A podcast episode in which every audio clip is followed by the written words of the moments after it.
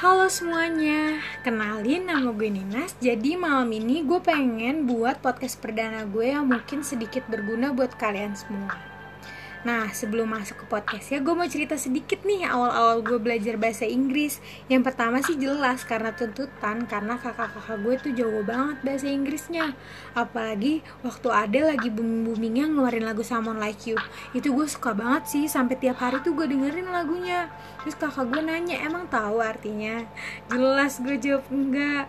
Ya secara zaman dulu cuma tahu yes no yes no doang.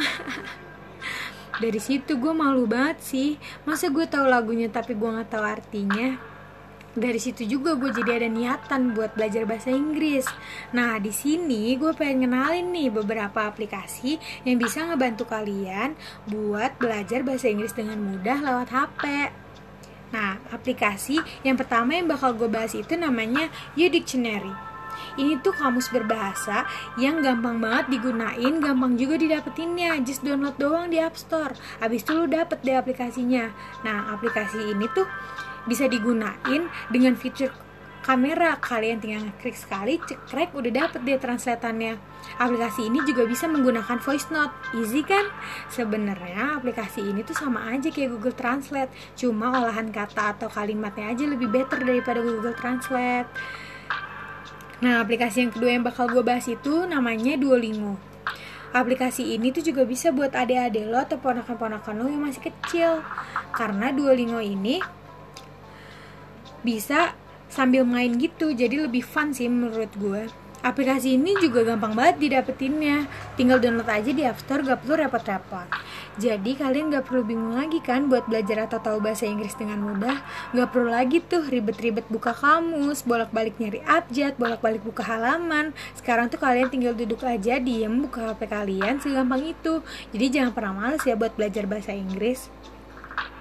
Nah, selain aplikasi, gue juga nyoba nih yang namanya metode audiobooks di mana kita menonton sebuah video yang menceritakan sebuah cerita dengan bahasa Inggris. Nah, kita juga bisa tuh ngikuti si pembaca cerita. Emang sih sedikit susah dan membingungkan. Nah, dari situ kita jadi tahu cara pengucapan bahasa Inggrisnya, pronunciationnya. Nah, banyak banget nih judul audiobooks di YouTube.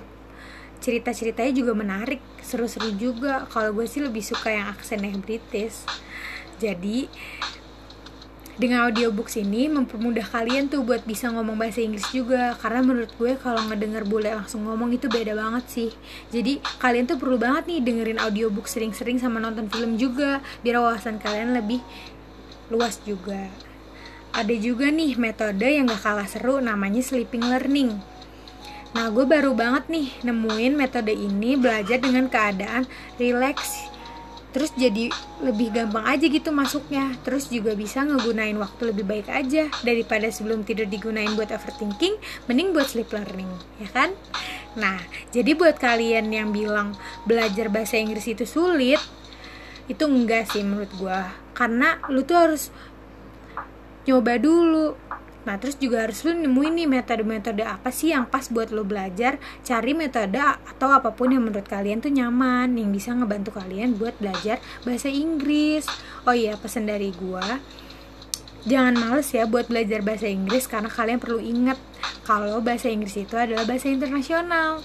Dan gak akan ada ruginya kalau kalian bahasa, belajar bahasa Inggris. Kalian jadi bisa dua bahasa kalau perlu lebih Oh iya, jangan takut ya dibilang so gaul sama teman kalian karena kalian ngegunain bahasa Inggris. Jangan pernah malu buat selangkah lebih maju daripada teman kalian. Semoga podcast gue kali ini bermanfaat buat kalian. Fighting!